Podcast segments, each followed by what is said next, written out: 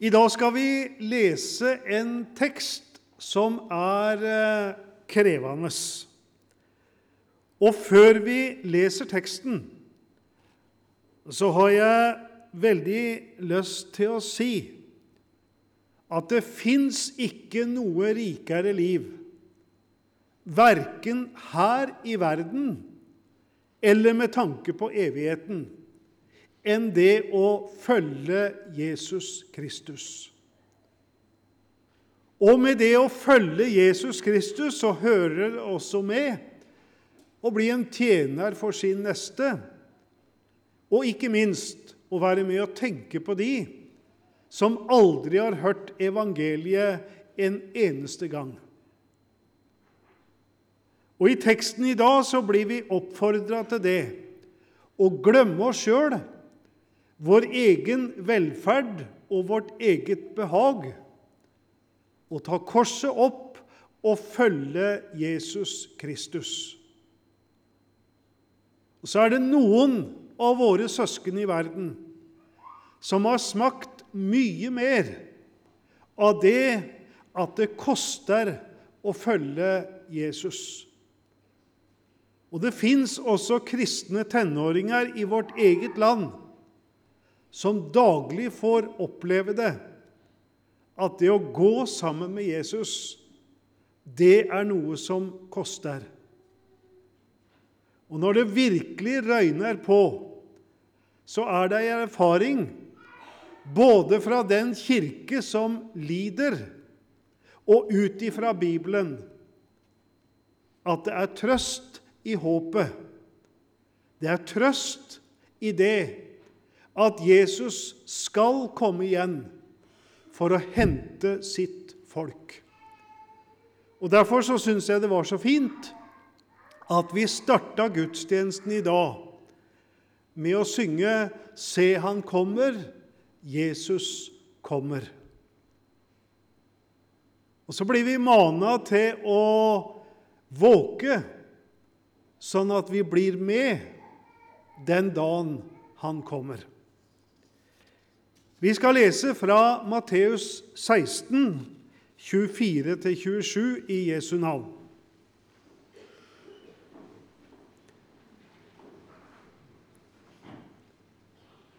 Deretter sa Jesus til disiplene.: Om noen vil følge etter meg, må han fornekte seg selv og ta sitt kors opp og følge meg. For den som vil berge sitt liv, skal miste det men den som mister sitt liv for min skyld, skal finne det. Hva vil det gagne et menneske om det vinner hele verden, men taper sin sjel? Eller hva skal et menneske gi som vederlag for sin sjel? For menneskesønnen skal komme i sin fars herlighet sammen med sine engler, og da skal han lønne hver og en etter det han har gjort. Amen.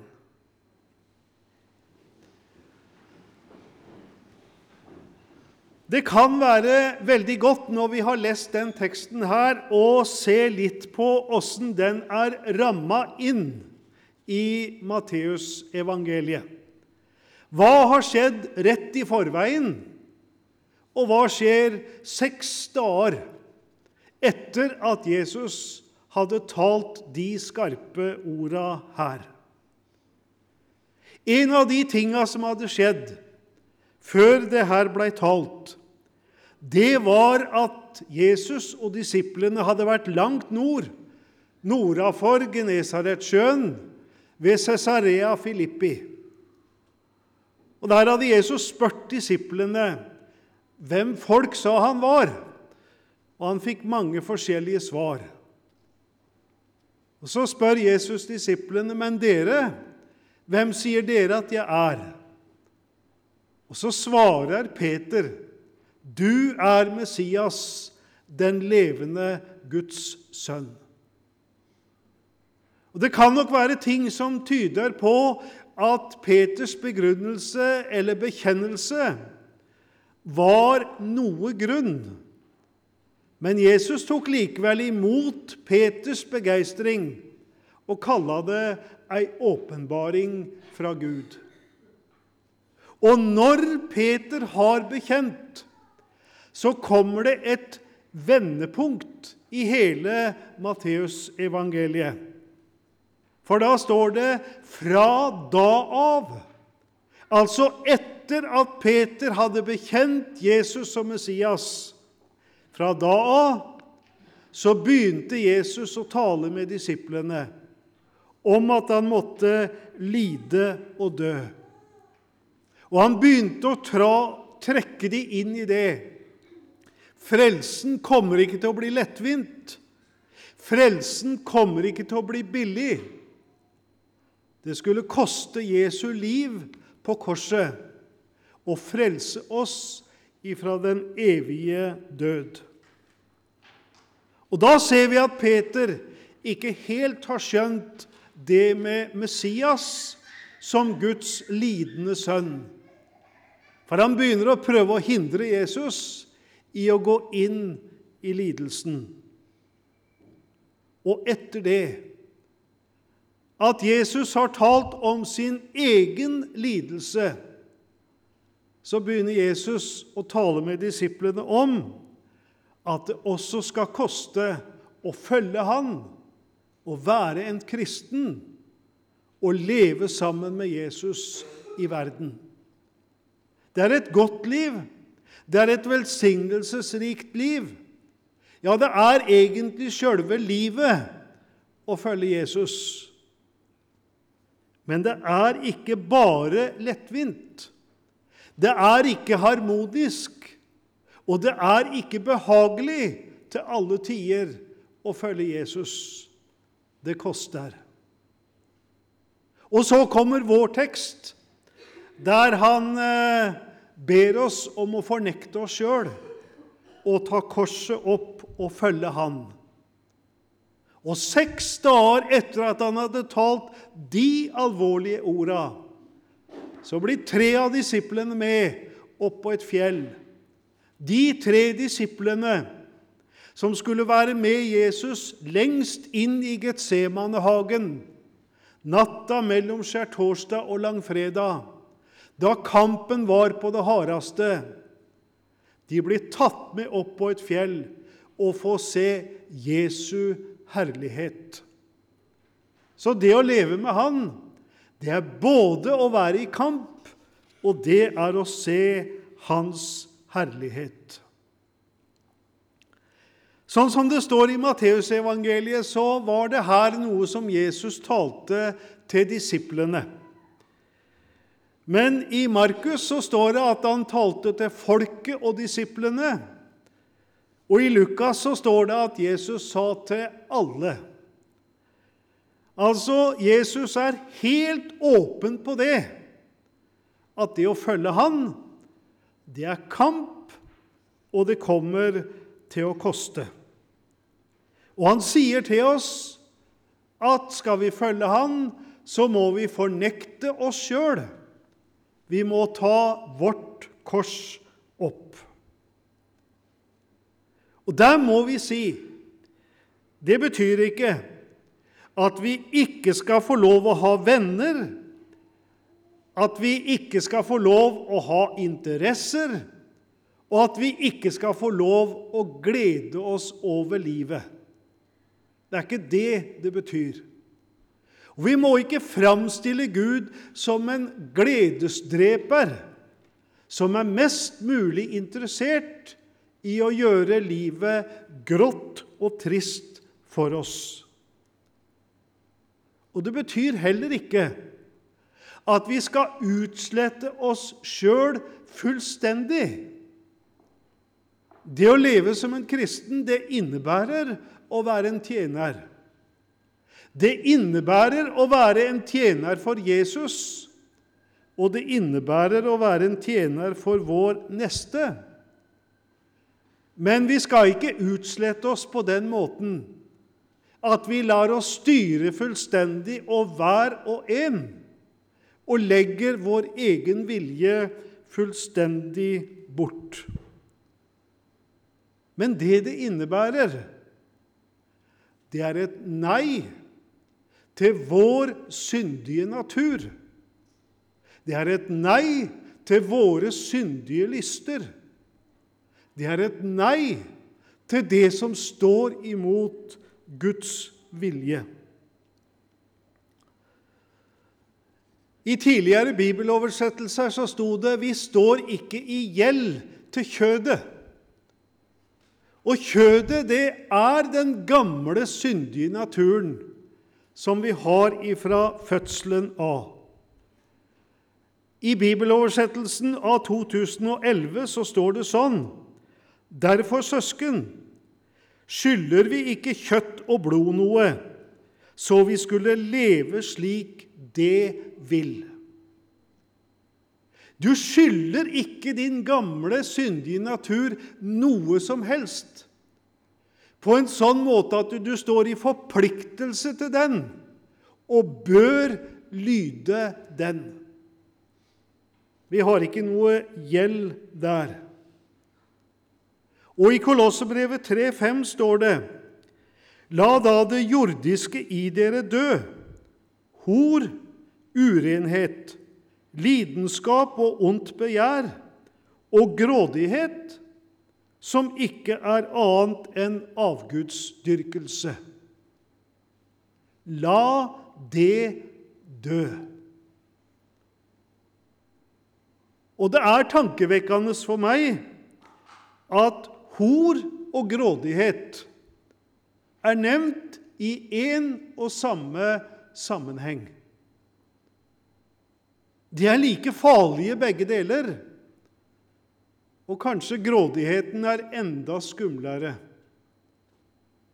For horelivet, det vil før eller seinere komme til overflata, og det vil bli avslørt hvem vi er.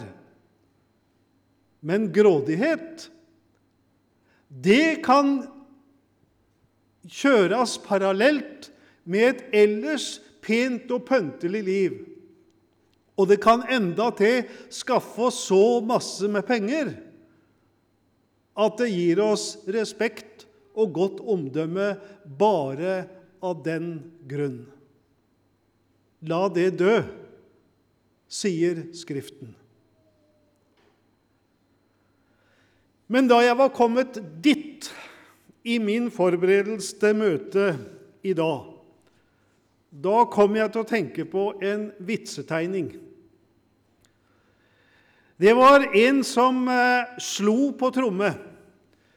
Eh, og jeg sier helt bevisst 'han slo på tromme'. For det går an å spille på tromme, og det går an å slå på tromme. Og han her var det tydelig at han slo av all sin kraft på tromma, med øreklokker på. Han slo så hardt på tromma at det var nødvendig med hørselvern. Den fella er det lett å gå i som predikant. At en serverer åndelig juling istedenfor åndelig mat, og at en slår istedenfor å avsløre synd for å lokke folk inn til syndenes forlatelse. Og det er veldig lett å preke skarpt uten at en hører det sjøl. Og Derfor er det så viktig for en predikant å kjenne etter. Tar jeg det her innover meg, eller leverer jeg det bare som ei god kraftsalve til forsamlingen, og så går jeg hjem og glemmer alt sammen. Og Derfor så har jeg tenkt å gi noen konkretiseringer inn i vår tid på de tinga her. Og da har jeg tenkt å fortelle dere litt om det jeg har sett blant Guds folk. Av hyrder blant Guds folk som ikke har gått bak og styrt uten øyekontakt, men som har gått foran og lokka med et godt eksempel, og på den måten vært en hyrde i Guds folk sammen med Jesus Kristus. Jeg har sett kristne som har kjempa mot tvil, som har kjempa mot vantro, og erkjent at deres eget intellekt ikke er nok til å diskutere med tvil og vantro.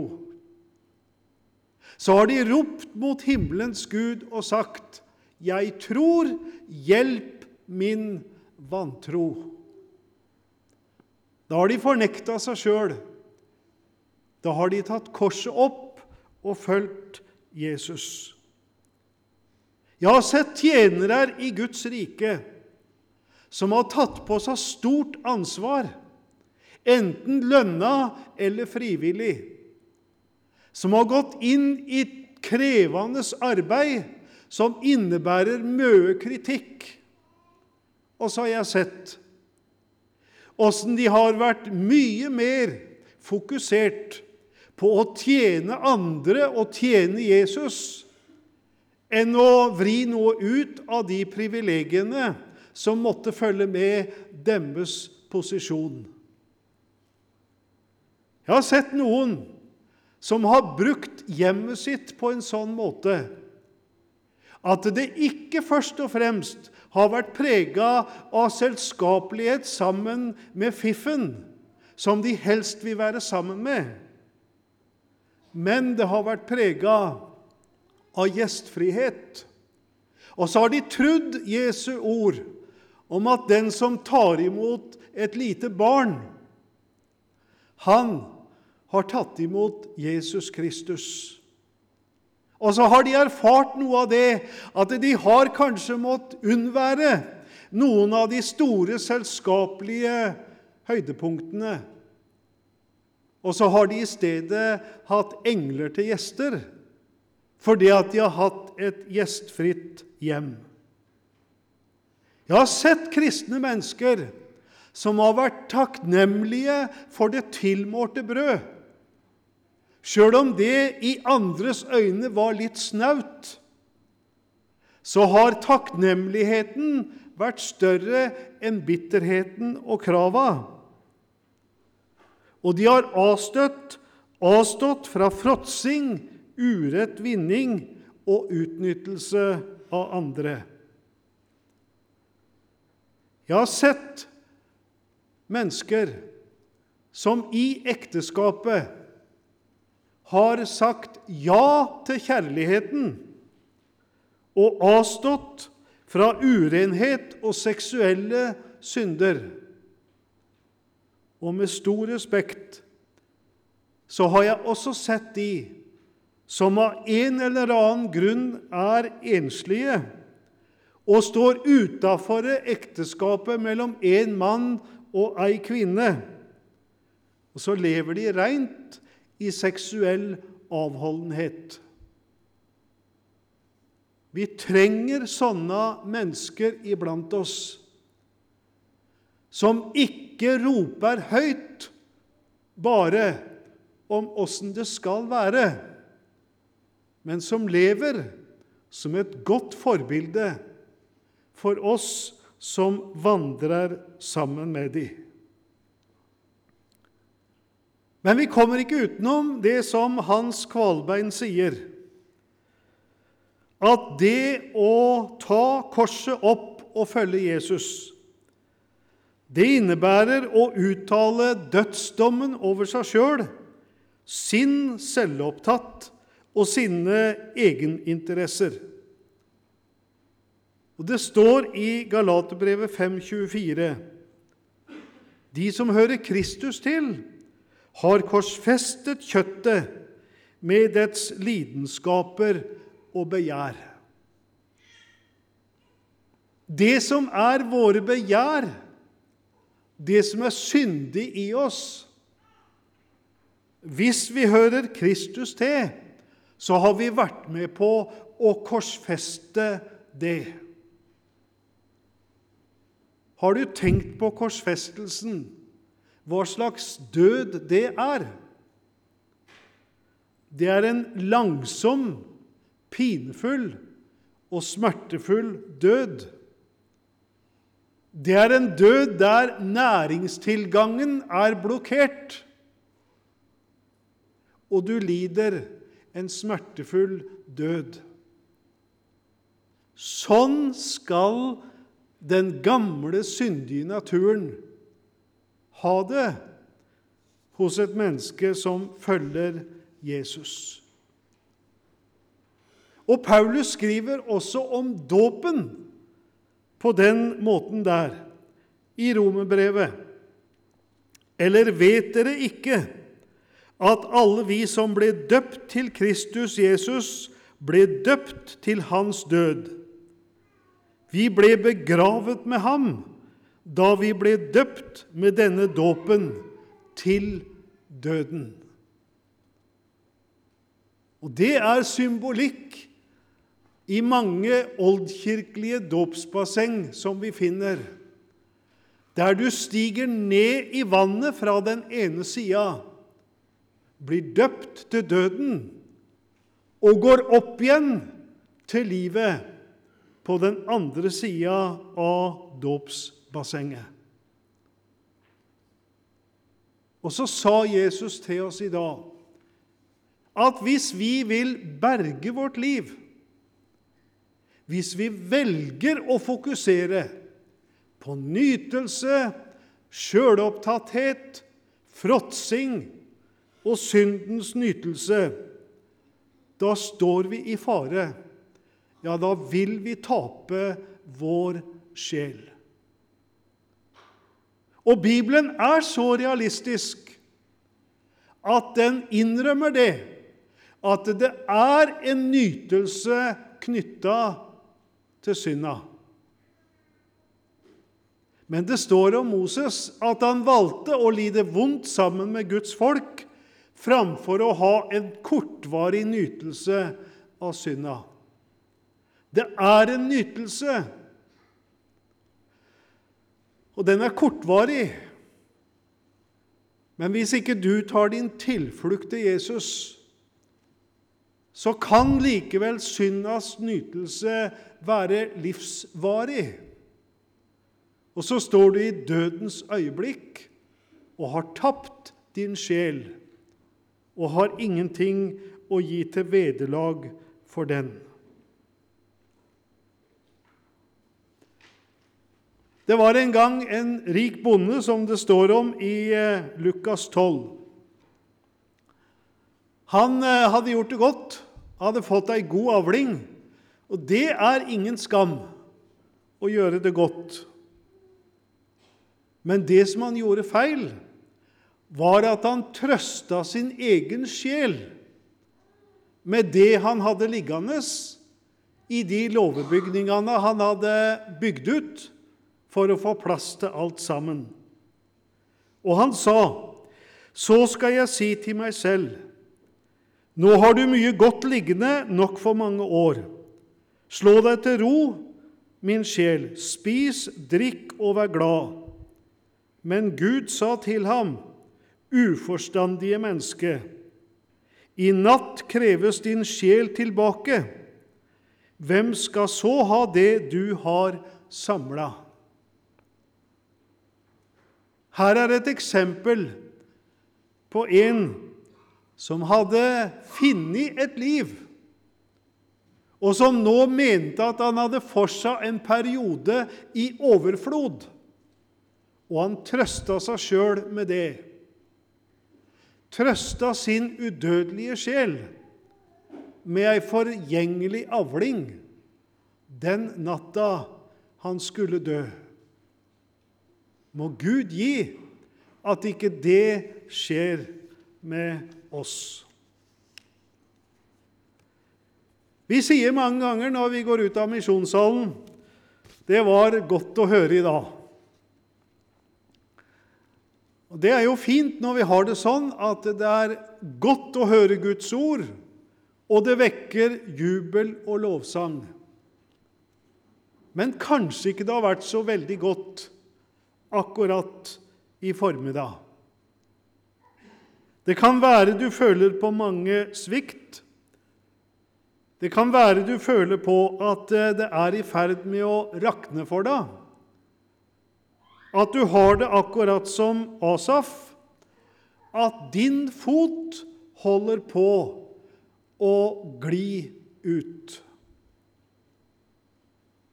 Og Da skal jeg slutte med å si noe ifra Lukas 15, 5. Det er om en hyrde som har 100 sauer, og den hyrden er et bilde på Jesus. Og Så er det én sau som mangler, og hyrden går på leiting. Og jeg tror vi kan si at når en av oss er på vei til å gli bort ifra Jesus, så er det sorg i hans hjerte. Sorg framfor irritasjon og langt ifra noen forakt i Jesu hjerte, men sorg. Og Så kan det være at vi har gått noen skritt i feil retning. Begynt å lefle med noe som vi ikke burde befatte oss med. Begynt å leke med noe som vi innerst inne vet at er feil. Åssen er det når Jesus da går etter og finner oss, og hvis vi lar oss finne og snur oss mot Han istedenfor å prøve å rømme enda lenger unna? Da står det i lignelsen Og når han har funnet den, blir han glad og legger den på skuldrene sine. Når Jesus finner en som sliter litt, da blir han glad, og så legger han oss på skuldrene sine.